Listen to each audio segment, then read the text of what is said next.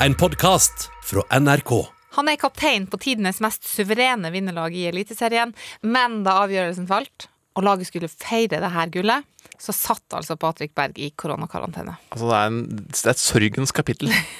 Vi skal snakke med han om det, og så skal vi høre hva som egentlig skjedde da han faktisk i høst var centimeter fra å ødelegge både sesongen og ikke minst karrieren. Kunne det ha stoppa Bodø-Glimt sin fantastiske seier i fotball? Vi får nå se. I denne podkasten skal vi opp på pallen og inn i garderoben. Velkommen til sporten. Sporten med Carina og Carl Andreas.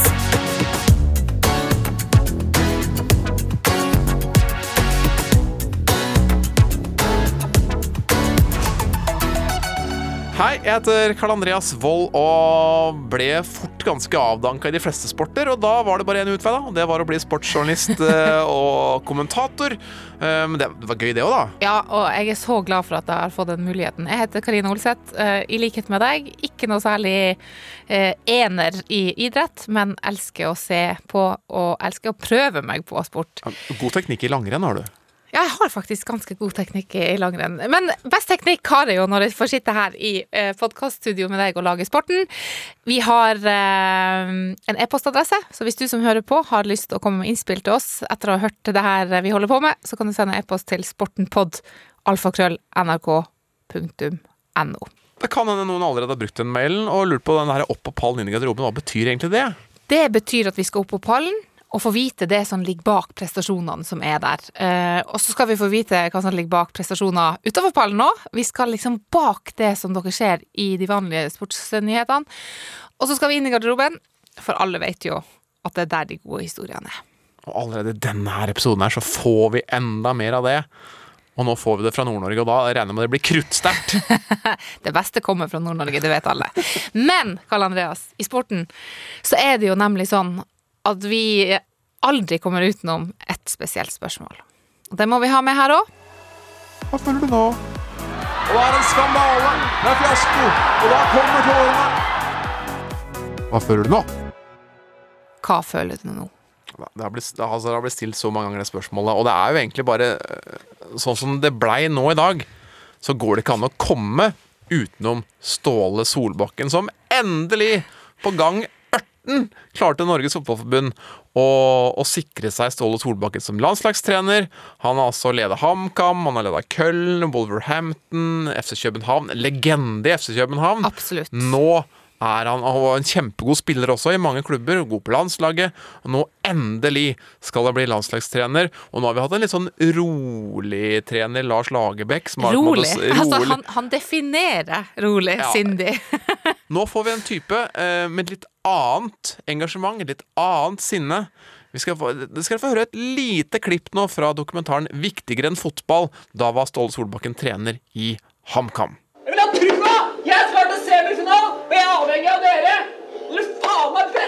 Brette Olsen Frigård! Vil dere dit? Ja, så klart vi vil det! Ja, da får du skjerpe deg, så får du gå i dusjen. Ja, det er greit. Det står det er så enkelt som ballen. vi skal begynne å vinne dueller. Ja, jeg tåler det. Men du får helt kjeften din. Nå, nå. Ett ord til, så går det i dusjen. Vet du hva jeg tror vi er nødt til? Vi er nødt til å bygge ut taket på Ullevål. Altså, altså, altså men her, det, det engasjementet her som vi hører i den dokumentaren som ligger på HamKam sine hjemmesider, viktigere enn fotball, der blir han bare kalt Ståle Salvatore. For måten som Ståle Solbakken på en måte var på, engasjementet, innlevelsen, driven, jo, gjorde at han, det holdt ikke bare å kalle han for Solbakken. Han ble liksom den store Messias på Hamar pga. den jobben han gjorde for, for HamKam. Så, så det er noe helt, helt spesielt som vi rett og slett får nå, altså. Men jeg, jeg må jo si at det er jo langt fra HamKam og, og Briskeby til Ullevål og landslaget. Det er jeg enig i, men akkurat det engasjementet der, det er jeg ganske sikker på at vi kommer til å få. Og det er da jeg liksom kommer til det som virkelig, virkelig er spørsmålet nå. For jeg er jo nå blitt 41 år, og det er nesten, det er nesten ikke kan huske et mesterskap hvor vi, hvor vi var med, men jeg husker det jo siden jeg er så gammel, da. Men kommer vi til et mesterskap igjen nå? Ja, det må vi jo. Og jeg er jo Jeg er jo usedvanlig positiv til sinns. Jeg har jo trodd at vi kommer til mesterskap i, i 10-20 år, eh, og så har vi ikke klart det. Og alltid har vi klart å komme oss til det siste lille hinderet. Så skal vi spille mot Ungarn, og så er det en keeper i joggebukse, og så skal vi bare slå Serbia, og så kommer korona, og Vi, vi har ikke klart det siden 2000. Da var det EM. Um, men nå tror jo eh, veldig mange at Ståle Solbakken kan eh, gjøre mirakler og, og få det her laget til å, å komme inn i det gode selskapet igjen. For at vi må jo innse det at det er ganske mange lag som er gode nok for mesterskap, eh, og Norge er ikke det. Så her må vi opp i ringene. Og når vi ser på det spillermaterialet som Norge har eh, Vi snakker om Erling Braut Haaland, vi snakker om Martin Ødegaard, som liksom starter for Real Madrid i Champions League. Eh, vi snakker om Alexander Sørloth som bøtter inn mål, vi snakker Joshua King. Altså vi har en sånn angrepslinje og noen offensive spillere som, som jeg og mange med meg, meg eh, har lurt på hvorfor i Jesu navn klarer ikke man å få dem til å skåre og prestere like mye på, på landslaget som de gjør i, i klubblaget? Kanskje eh, er sånn der skyllebøttegreier fra Ståle Solbakken inn i, inn i garderoben det som skal til. For jeg, nå kjenner ikke jeg verken Per-Mathias Høgmo eller, eller Lars Lagerbäck så godt at jeg vet hvordan de agerer eh, underveis i en kamp eller underveis i en landslagssamling. Men jeg tror at man yter litt ekstra når det er Solbakken som skal, eh, som skal fyre opp under. Jeg, jeg, har, jeg har ett eh, Jeg skal ikke komme med på en måte råd til, Solbakken, for dette her fikser han sjøl, og jeg håper du får rett at vi endelig kommer til et mesterskap. Men jeg har ett, ett råd har jeg for at den skal lykkes, og det er at han må, må, må konsentrere seg og komme seg tilbake til ordentlig norsk. For vi kan ikke få en landslagstrener som snakker norsk og sier vi er et mæ godt hold. Han kan heller ikke si vi må campe hardt. Det, det går ikke an, så han, han må tilbake til norsken der. Altså, hva han var tolv år i FCK? Eh, Han har vært sinnssykt lenge Ja. i, i København. Det er klart, for, for du, det skaper jo mye frustrasjon og irritasjon når folk rundt deg ikke skjønner hva du egentlig mener. Så det kan nok ta noen år før han begynner å, å legge bort holdet. Ja, det, det, ja. Man må, man må bare, han må bare kjempe hardt, så kan det gå. Men- Men, jeg har i hvert fall jeg har, har ekstremt stor tro på, på Solbakken. Og det har jo ligget i kortene. Altså, folk har venta på det, og idet han fikk fyken i FCK, så er det jo liksom eksplosjoner av at nå må han til Norge. Så ble det litt surr der med holdt på å si stakkars Lars, Lagerbäck, som har på en måte vært en klippe i, sin eh, sjefsrolle og lykkes med mange landslag, og så ble det litt tull på slutten der og krangling av det ene med det andre. Men glem det, og han bekrefter i en pressemelding at han har på en måte fått sparken osv. Så, videre. så står det noe mer, bla, bla, bla. Men det er på slutten der. Det er på slutten av pressemeldinga. Det er det jeg syns er gøy, for der står det bare én setning. Kom bare ihåg hvorfor de vinner fotballkamper. Ja, hva mener han med Det det? lurer jeg på. Altså, er det, er det poesi fra Lars Lagerbäck? Er det, er det et stikk til Fotballforbundet? Er han inne på noe? Er han helt ute? Er det kanskje tittelen på den nye singelen til Lagerbäck sammen med Staysman og Lass? Det er det ikke. Hva, hva, hva, det det syns jeg er veldig gøy. Jeg tror det er et stikk, og jeg, jeg gleder meg til å få svar på hva han mener, hvis vi noen gang får det. Men uh, uansett så skal vi jo snakke med gjesten vår i dag om, eh, om den nye treneren også. For eh, Patrick Berg han har jo vært med i troppen siden i høst, men han venter fremdeles på å få spille sine første landslagsminutter med flagget på brystet. Kanskje er det rom for noen andre midtbanespillere, uh, uten å nevne navn, inn i den nye elveren som Solbakken skal, skal komponere. Uh, jeg gleder meg til å se om han tør å, å droppe noen av de der gjengangerne. Patrick Berge, altså Bodø-Glimt-spilleren som altså ble tatt ut på landslaget kun for å gå rett i koronakarantene. Opp på pallen! Vi skal til pallen. Men først, altså inspirert av Bodø-Glimt superlag, så skal vi ha en pall i dag som inneholder overraskende tittelvinnere. Og det, det har det vært noe av, altså. Det har det vært mye av. Det her er altså eh, våre eh, kåringer, topp tre, som ikke nødvendigvis styres av prestasjoner eller eh, muskler eller eh, tider. Det er våre høyst personlige meninger. Mesdames et messieurs, médaillés de bronze, Ladies and gentlemen, the bronze medalist. Jeg var altså til stede i Incel i 2005, for da skulle Norge Norge skulle endelig få VM-gull på skøyter, og det skulle vi få med Øystein Grødum, som skulle herje på 5000 og 10 000 meter. Og så ble han sjuk. Altså, det var helt sorgens kapittel. Altså. Da, det var det mesterskapet. Liksom. Det var eneste vi hadde som var god, og så blir han sjuk, og da har vi altså ingenting. Men så plutselig, når vi skal gå et 1500-meterløp der, så begynner det å snø. Og da skjer det store ting. Sølvmedaljen går til Rune Stordal i hvert fall, men han skal til mål. Også Taute, som er veldig sliten. Han har ikke stor fart nå. Et 50-69. Vi ser han er bak. Det er gull til Rune Stordal! Han klarer ikke et 50-69. Et 50-84. Gullet er vårt. Rune Stordal, verdensmester, er ikke Totterud! For dette her kom rett og slett ut av ingenting. Han hadde aldri vært på pallen. Han var aldri på pallen etterpå heller. Og jeg husker det så godt fordi at det var overraskende. Det var nå én ting. Men den gangen var Finn Aamodt sportssjef for Skytterforbundet. Jeg sto der, stakk fram i mikrofonen og sa Finn Aamodt, dette her er så Kan du være så snill å prøve å beskrive hvor stort dette her er? At vi har fått en verdensmester, og han heter Rune Stordal. Og da svarer Finn Aamodt Dette er den største sensasjonen på denne siden av Big Bang. Det kaller jeg et sinnssykt bra svar. Ah, endelig skulle lykkes å få litt skøyter inn i denne podkasten. Det må være lov å si. Eh, det, må, det sier vi for at vi har jobba mye med det. Vi har det. Men vi har lovt å ikke snakke så mye om det. det. Men det vi kan snakke om, er fotball. Og det er fotball på min tredjeplass. Vi skal tilbake til fotball-EM i 2004. Da tar Hellas gullet. I Portugal. Tyske Otto Rehagel, han var trener. Mesterskapet ble jo spilt i Portugal, og Portugal var også motstander i finalen. Da vant altså Hellas 1-0. Etter at de skårte på den eneste corneren de fikk i løpet av eh, den kampen. Det var Karistea som heada inn eh, målet. Før det her så hadde ikke Hellas vunnet en eneste mesterskapskamp. De skulle dit for å få erfaring. I ettertid har han kvalifisert seg til, eh, til veldig mange mesterskap, eh, så det er ikke noe dårlig lag. Men det starta med en eh, gråtende Cristiano Ronaldo som kom som den største stjerna og skulle ta EM-gull på hjemmebane. Fikk juling av Hellas. Av noen kelnere, liksom. Nesten. Men altså, de spilte jo drillefotball, det var jo helt rått. Det var helt rått. Veldig sånn massiv forsvar. Alle mann i angrep når det først gjaldt. Så det var jo, de lå bakpå, og så straffa de de andre som var det. Mesdames et messieurs, médaillés d'argent, Ladies and gentlemen, the silver medalist.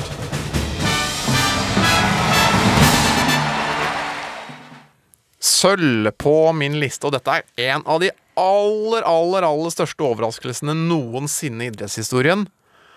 Da, jeg måtte litt tilbake til tid, i tid 1990, men jeg tror fortsatt det er i hvert fall ett navn som de fleste har hørt noe om.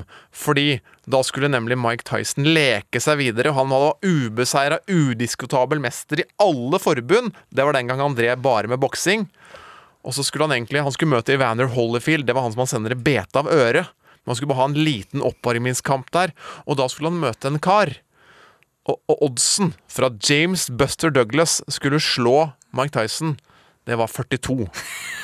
Satte du 100 spenn, så kunne du gange det med 42 Oi, oi, oi. av det du fikk tilbake igjen. Og eh, ringhjørnet til Mike Tyson, de hadde ikke de, Alle de andre kampene som hadde vært før, hadde Mike Tyson vunnet på liksom sånn Et minutt, 30 sekunder, 40 sekunder, litt mer. Nei, så de hadde ikke forventa at kampen skulle vare lenger enn 90 sekunder. Så de hadde ikke tatt med isposer eller sånn utstyr til å stoppe blødninger. Greia var at eh, Buster Douglas han var ganske tøff, så han klarte å holde unna. Så fikk han inn noen slag på Tyson som gjorde at han begynte å blø, og da fikk de ikke stoppa blødningen, ikke for de hadde ikke med utstyr til det. Som ender altså med at det blir knockout i den tiende, tiende runden for James Buster Douglas. Første gang Tyson går i bakken, første gang han mister på en måte alt. En av de aller, aller største overraskelsene noensinne, og da snakker vi om all sport, ikke bare boksing. Min sølvplass går til en langrennsløper. Vi skal til eh, 2018, Pyeongchang-OL. Der var det mye overraskelser, eh, og jeg tenkte litt på om jeg skulle dra inn Simen Hegstad Krüger her, som da vant eh, tremila.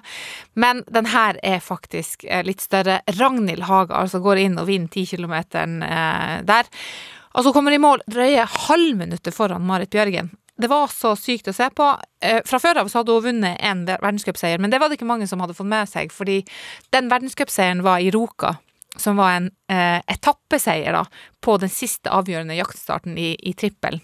Eh, så, så det var jo en, en veldig gjemt eh, gjemt seier for det raskeste etappetid. Hun kom ikke først i mål, eh, så da Ingen får, med, får med seg det. I ettertid så har hun altså tatt NM-gull eh, også i 2018. Men bortsett fra det, det var det OL-gullet Ragnhild Haga skjedde, klarte. liksom? Hva skjedde? Hun hadde dagen. Sitt livsdag. Hun hadde tatt Marit Bjørgens mojo. Og det er litt gøy, fordi jeg har jo, eh, jeg har jo gått på ski. Eh, det begynner å bli veldig mange år siden. Men jeg husker fremdeles følelsen av mitt eneste perfekte skirenn, som ble gått eh, på klassisk fem kilometer i Tromsø skifestival. Dagen Må ha vært i da alt satt. 1997, men, men jeg husker Altså, jeg husker jo ikke årstallet eller dato eller noe sånt, men jeg husker følelsen av at i dag er det, i dag er det ingen i verden som kunne slått meg. Men tenk så deilig da få den følelsen i, eh, i et OL, Ja, og ikke bare på en trening, liksom. Det, er Det er altså- forskjell fra Tromsø skifestival og, og, olympiske mesterskap i Pyeongchang. Jeg ser den. Ja, er råsterkt. Mesdames et messieurs, médaillés d'or, Ladies and gentlemen, gold medalist.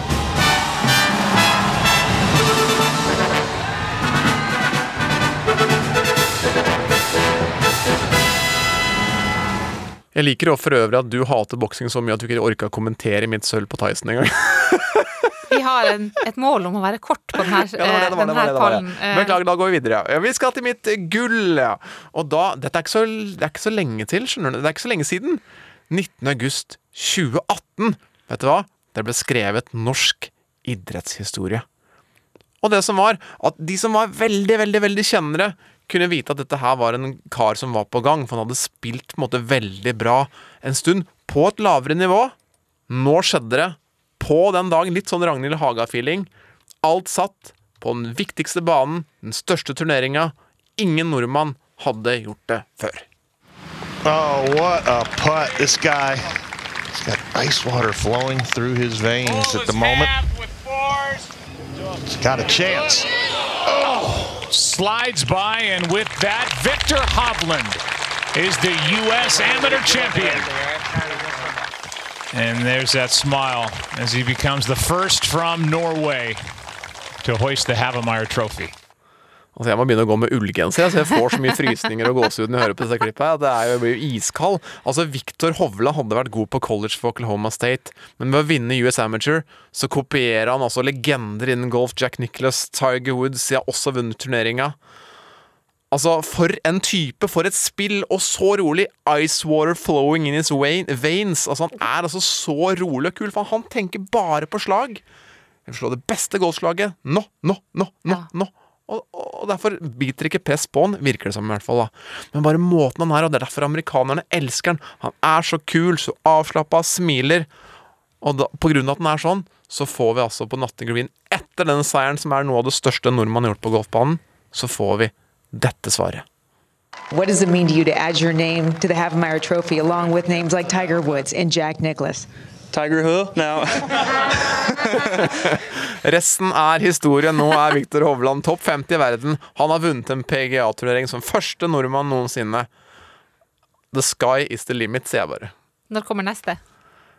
Altså, hvor mange, hvor mange stjerner er det på himmelen? Vi får det bare se. Det er gøy å se norske utøvere eh, hevde seg i sånne, sånne store internasjonale idretter. Ja, det er helt rått. Det, er helt, det han får til, er bare helt ubeskrivelig. Og det er ikke over. Han er jo så ung, han kan jo spille sånn i 20 år til. Ja ja, hva farsken. Vi skal ha mer fotball, Over til fotball. for du snakka om odds i sted. Ja. Oddsen på at Leicester City Football Club skulle vinne serien i sesongen 2015 2015-2016, var på 5000. 5000, ja. Mm. Fader, du kunne gjort to bet bettinger i sitt liv, da. Først Buster Douglas, og så den der. Jeg tror du hadde, da hadde sittet godt i det, iallfall hvis du torde å legge en, en krone eller to i potten. Men selvfølgelig er jo Leicester det mest overraskende seriegullet som noensinne har blitt delt ut. Eh, Det så- det er motstand, vet du. Hæ? Det er så mye motstand. Det var skikkelig mye motstand. Men det som var litt gøy, var jo at det her gullet ble delt ut på en dag hvor de ikke spilte kamp sjøl. Det var noen andre som liksom eh, tok avgjørelsen. Og da hørtes det sånn her ut.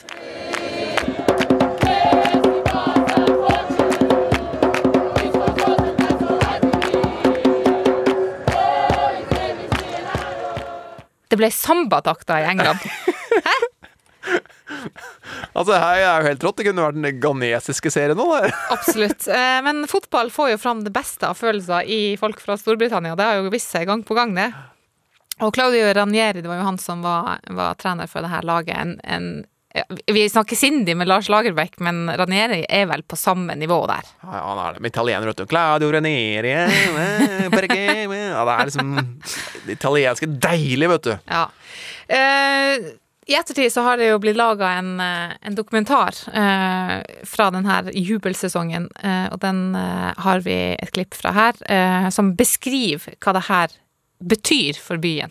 It was a moment in history that will never be forgotten and may never be outshone. It was the moment Leicester City beat the bookies and turned a city blue with pride. Thanks to Leicester City, sport may never be quite the same again. I want to say thank you to everybody because in all the season they push behind us and they believe in us. Well done! Thank you! Der tok han av, Ranieri. Ja, han gjorde det, ass. Jeg husker bildene eh, fra, fra gaten eh, da The Foxes ble hylla. Altså, det, var, det var sikkert millioner av mennesker, og nå tar jeg ikke i engang, som eh, flokka seg rundt den bussen og hylla Jamie Wardy og Kasper Schmeichel og Og siden de vant, da, så er det kan- de som ikke er så interessert i fotball, men de har, kanskje de også har fått det med seg, og da endelig lært at det heter Lester og ikke Leicester, som du- det faktisk skrives. For du, hadde, du trodde det, faktisk? Nei, men eh, for lenge siden jeg var liten liksom, og så tippekupongen, og det sto gl- glo, Glohus-hester, så kunne man jo fått tro at det var glo, glo, Glohus-hester og Leicester, Ja. men det er altså Gloucester og Leicester. Og Leicester, tidenes mest overraskende vinner i øh, historien, ikke bare når det gjelder fotball. Snart får vi besøk igjen. Eh, og da er det Patrick Berg, som er kaptein på Bodø-Glimt, som er vår egen lokale eh, var variant av Lester. De tok eh, seriegull denne høsten etter en jubelsesong. Opp på pallen og inn i garderoben. Det her er sporten. Vår gjest i dag han er ikke til stede i studio. Han sitter rett og slett på en spillerbuss på vei til en flyplass. I går så eh, sørga han og laget hans Glimt for å sette poengrekord i Eliteserien. Det er altså aldri noen som har tatt så mange poeng i serien før. Hei, Patrick Berg. Hallo, hallo. Hvordan er det med deg? Nei, det er bra. Det var eh, ja, som sa, kamp i går, så det var godt å være tilbake etter eh, ja, tre uker med isolasjoner på Tone Hotell Storo i Oslo. Så det var, det var godt å slippe ut derfra og få lov til å ta på seg drakt og fotballsko igjen. Vi må snakke litt mer om det, denne litt spesielle novembermåneden du har hatt. fordi at Kortversjonen er jo sånn at du var på landslagssamling, kampene ble avlyst, så ble du satt i karantene, så fikk du en positiv test. Enda mer karantene. Hvordan er det å være tre uker i isolasjon på et hotell i Oslo? Nei, sånn, Nå er jeg ganske så rolig av meg som person, så, så jeg føler jeg takla det veldig bra. egentlig. Det har, eh, ja, det har vært mye PlayStation og mye serier og film og alt sånt, så eh, dagene har for så vidt gått eh, ganske greit. Men var du skikkelig dårlig? Nei, jeg var aldri, jeg var aldri skikkelig dårlig på noe tidspunkt. Jeg var ja, litt som en vanlig forkjølelse, egentlig. Litt, litt tung i hodet og vondt i halsen. Og så, ja. så var det egentlig bare et par dager med det, og så følte jeg meg fin igjen. Men eh, det som er spesielt her, er jo at eh, da dere kom hjem eh, etter da tre uker, du og Marius Lode, så, så er det midnatt, det er natt til mandag i Bodø. Så har altså et hundretall supportere møtt opp med bluss og hyller dere i, i Nordlandsnatta. De, de bildene her har i hvert fall jeg blitt rørt av. Hva, hva følte du? Ja, jeg ble jo ja, som du sier, rørt. da. Det var, det var veldig stort. og det var ikke noe vi hadde forventa. Vi fikk beskjed om at uh, Håvard Sakariassen, som som er team manager her i Bodø-Glimt, skulle, skulle komme og hente oss på flyplassen. Noe mer visste vi egentlig ikke. Jeg tenkte kanskje det var noe, noe opplegg med laget eller uh, en middag eller ja, noe, noe sånt. Men så uh, plutselig da vi kjører ut av flyplassen, så ser vi bare ja, hundretalls supportere står der med bluss og, og alt sånt. Det var jo veldig stort og veldig godt for både meg og Marius som gikk glipp av den mottakelsen laget fikk når de, når de sikra seg gull. Men du sitter jo på bussen nå, og du må jo selvfølgelig være litt tøff overfor lagkameratene dine, men øh, hvis du skal være ærlig med oss, da, altså gråt du liksom? Tårene rant, eller? Nei, det var, altså Der og da så gjorde, gjorde du ikke det, men når man liksom kom seg tilbake på rommet og liksom fikk litt tatt inn over seg at man hadde vunnet seriegull med, med klubben i sitt hjerte, liksom, så begynner man jo å tenke over det. og Det er kanskje ikke jeg tror det skal mye til for at man, man opplever noe større enn akkurat det. Man kan på en måte reise ut og vinne seriegull med, med andre klubber, men det å vinne med barndomsklubben sin, noe som aldri har skjedd før, det, det tror jeg skal mye til for å toppe det. altså. Vi har snakka om det litt tidligere i podkasten her, om at eh, jeg så vidt kan huske at Norge har vært kvalifisert for et mesterskap i fotball. Nå har vi fått eh, Ståle Solbakken som sjef. Blir det noe mesterskap eh, på meg og dere, Patrick? Ja, det, det håper jeg jo så klart. eh, Jeg og det håper jo hele Norges befolkning. Så eh, jeg har veldig trua på den eh, gjengen som, som er på landslaget nå. Altså, det, det er ekstremt mange gode spillere. og så har jeg veldig tro på at Ståle skal komme inn og, og gjøre en god jobb. Og de, de spillerne som er i den gruppa nå, holder jo høyt, høyt internasjonalt nivå. Så det, det er gode muligheter. i hvert fall. Vi har, det er én ting vi nesten må ta litt opp med deg. For det var nemlig sånn at du og noen kamerater skulle til Ibiza i 2018. Og da måtte dere legge et godt grunnlag på forhånd. Kan du fortelle litt om, om, om det? Ja, det var jo eh, meg og spesielt eh, en kompis som heter Petter. Eh, som eh, Ja, vi var veldig mye på, eh, på gymmen da, på ettermiddagstid og, og trente mye styrker. Jeg synes det var Jeg fikk veldig sånn eh, ja, smaken på det og syntes det var veldig artig. Og gikk ganske seriøst inn i det. da, og så eh, gikk det litt over styr eh, for min del. Jeg følte at det, gikk litt utover ja, den kroppen man kanskje burde ha som, som fotballspiller. Jeg ble litt, litt tung på toppen, for å si det sånn, så da slutta jeg med det. Altså Fotballmessig var det ikke bra, men, men til noe viktigere. Var det bra på Ibiza? Funka det? Ja, altså, ja da, det var, vi hadde en, eh, en veldig, veldig fin tur til Ibiza. eh, Så det du sier er at eh, å legge ned to-tre måneder i gymmen før en sånn Ibiza-tur, det, det, det funker? kan vel avsløre at det, det ble vel ikke noen damer på noen av oss som var der, så det, det var ikke så mye å skryte av. Men du, Patrick, vi vet jo alle om, om fotballfamilien Berg, men, men nå, eh, nå vil vi snakke litt om fiskefamilien Berg. For eh, vi har jo forstått at hele familien er litt bitt av basillen. Eh, så skal vi høre et klipp fra da Patrick i lag med broren Marius eh, og flere familiemedlemmer var på fisketur i høst. Han Marius han har altså fått en sværing på kroken, og så skal Patrick bare få denne ruggen opp i håven. Du med meg? Har kroken i fingrene.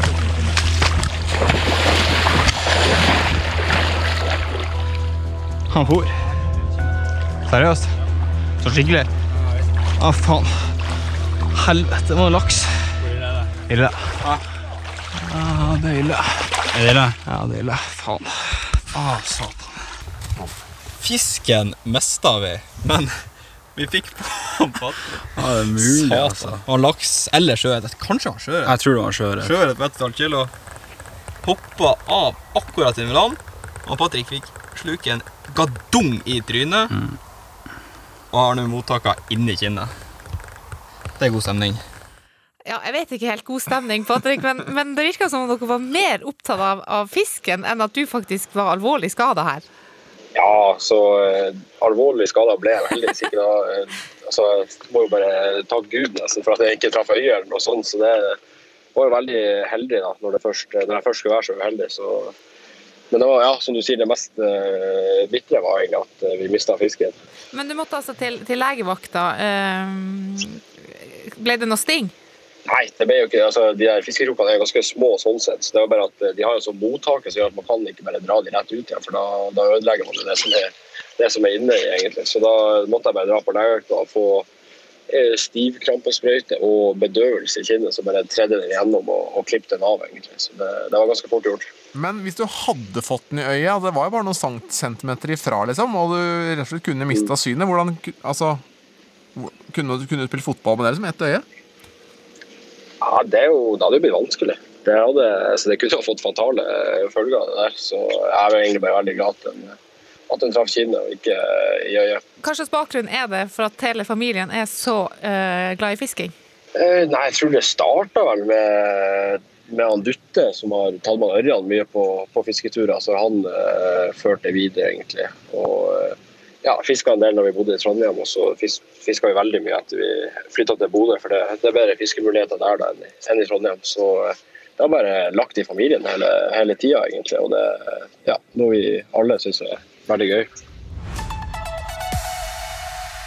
Da har du kommet deg inn på flyplassen, og eh, når du skal se litt framover, hva er på en måte det neste målet, det neste du ønsker å få til i din eh, fotballkarriere?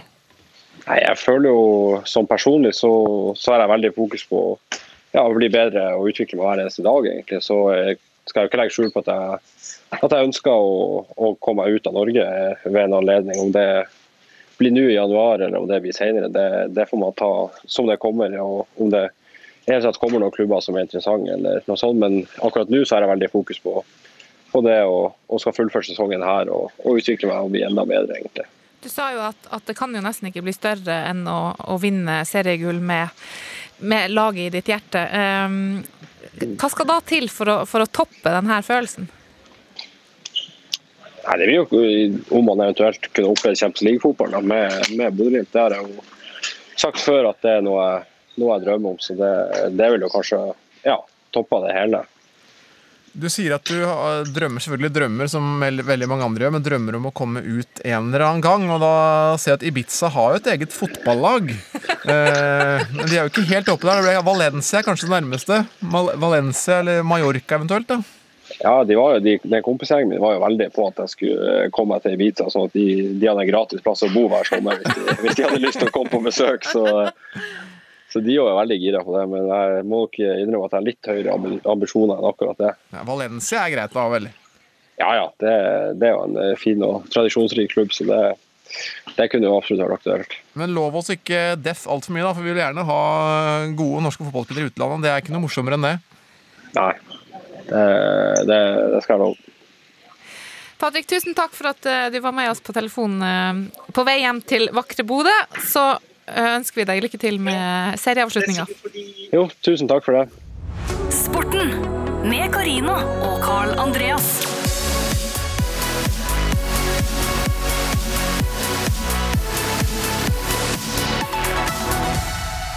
Det er ingen tvil om at eh, Bodø-Glimt har stått for den mest interessante historien gjennom sportsåret 2020. I hvert fall for min del. Altså Det er det ingen tvil om, og derfor var det på sin plass at vi kunne vire siste minuttene av denne podkasten til landsdelen som aldri ga opp. Åh, jeg blir varm i hjertet. For, fordi de ville jo være med. Men altså helt fram til 1969, altså fra 1929 til 1969, så måtte man rett og slett arrangere et Nord-Norge-mesterskap i fotball. For de fikk ikke være med. Siste vinner, det er litt, dette er litt sånn typisk, siste vinner av Nord-Norge-mesterskapet, det var Bodø-Glimt i 1969. Så der starta det på en måte Der starta det litt å gro. Ja, ringen eh, Hvor begynner og slutter ringen? Det kan man jo spørre seg, da, men eh, de har vært oppi der. Så kommer barrierene som på en måte brytes. 1963 er det første året et nordnorsk lag får være med i cupen. Det er 61 år etter at cupen starta. Altså, det er så skandale at jeg er- kjenner jeg, kjenner jeg blir forbanna. Ikke sant? Og, og, og, og noe av grunnen til dette her var jo at de mente at Fotballforbundet mente at det var så langt unna. Og det er jo et stykke fra lokalene på Ullevål, eh, det var kanskje ikke det den gangen, men derfra og opp til Tromsø. Men, men flyplassene kom mye før eh, de fikk lov til å spille kamper. Så her var det treghet i maskineriet, altså. Men vi skal altså helt til 1972 før et nordnorsk lag fikk lov til å spille i den øverste divisjonen, og da var det FK Mjølner. Fra Narvik, det må vi på, påpeke. Ja, For, for, for Narvik var bra, Ja. og, og Harstad var bra. Det var flere på en måte lag som var bra i fotball. Og da hadde de altså den toppserien, sånn- eller den øverste nivået, som hadde da spilt med liksom det opplegget med ti lag. Da hadde de arrangert det i elleve år uten at et nordnorsk lag fikk være med. Fy faen. Ja. Men nå begynner den her. 1972. Da får de sin første cupvinner. Og da er det selvfølgelig Glimt. Jeg vet at du er Tromsø-fan, så det gjør litt vondt for deg, men det er Glimt som nok en gang går foran de vin og vinner 1975.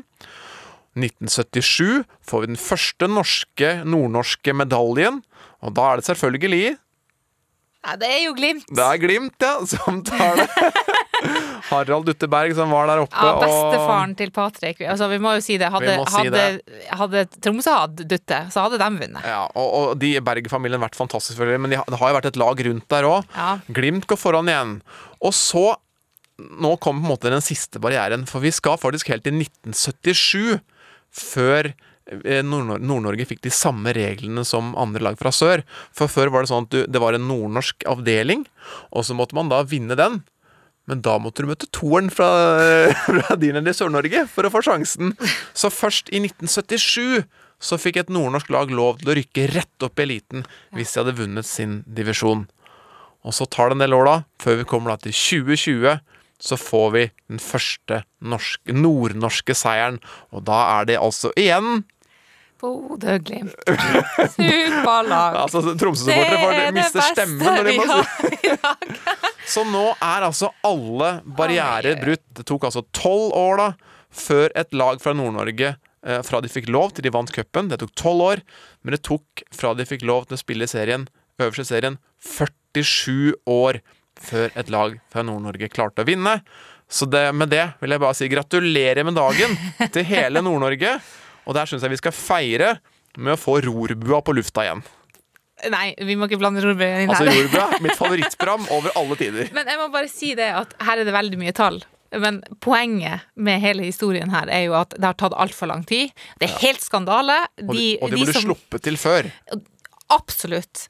Også for meg som er, er fra Nord-Norge, fra Nord-Troms, og, og som på en måte vokste opp med, med Tromsø IL som favorittlag, eh, så, så er det jo en, en langt mer viktigere diskusjon inni denne uh, fortellinga. Og det er jo hvem som er storebror, og hvem som er lillebror i, i Nord-Norge. Det tenker jeg på, for jeg har på en måte litt sånn min oppvekst fordi at da var Tromsø best. Har tenkt at Tromsø på en måte er på en Ja. måte den, har vært den største. Men ut fra disse tallene her, så holder jeg nok en liten knapp på Bodø-Glimt. Og etter seieren i år Så holder vi nok en liten knapp på Bodø-Glimt. Ikke en liten, den er ganske stor, den knappen. Så Altså, holder vi- en ganske stor knapp på Bodø-Glimt. Tromsø skal vinne tre år på rad før, de kan å, før vi kan begynne å kalle oss for storebror igjen. Det er nok riktig. Vi eh, er kommet til veis ende. Hvis du har noen tips til oss, eh, du som hører på, så må du sende oss en e-post. Adressa er sportenpod, alfakrøll, nrk.no. Vi tar imot alle gode ideer, både om historier og om, om gjester. Og denne podkasten her, den blir ikke noe av uten superlaget på bakrommet, Ida Larald Brenne og Geir Elle. De sørger for at det her kommer trygt i havn. Og så må vi anbefale en liten eh, pod før vi runder helt av, for eh, det har jo vært mye fotball denne, eh, denne episoden. Og hvis du vil ha noe som handler bare om fotball, så må du gå inn og finne Heia fotball. Der har kollegaene våre besøk av Lars Gunnar Smerud i denne eh, episoden. Han som altså var reservelandslagssjef. Han som leda den siste kampen med landslaget. Kanskje han kan bli en assistent for Ståle Solbakken? Men han, han, han slår ikke gjesten vår i neste podkast. Det gjør han ikke. Der kommer det krutt, altså. Jarl Magnus Riiber, kombinert utøveren som vinner mer enn de aller, aller fleste, han tar turen til oss i neste uke. Og eh, han, eh, han, han har ikke på seg så mye ting som alle andre har på seg. La oss bare si det sånn. Det kan vi avsløre. Til neste gang. Ha det! Ha det. Du har hørt en podkast fra NRK. Hør flere podkaster og din favorittkanal i appen NRK Radio.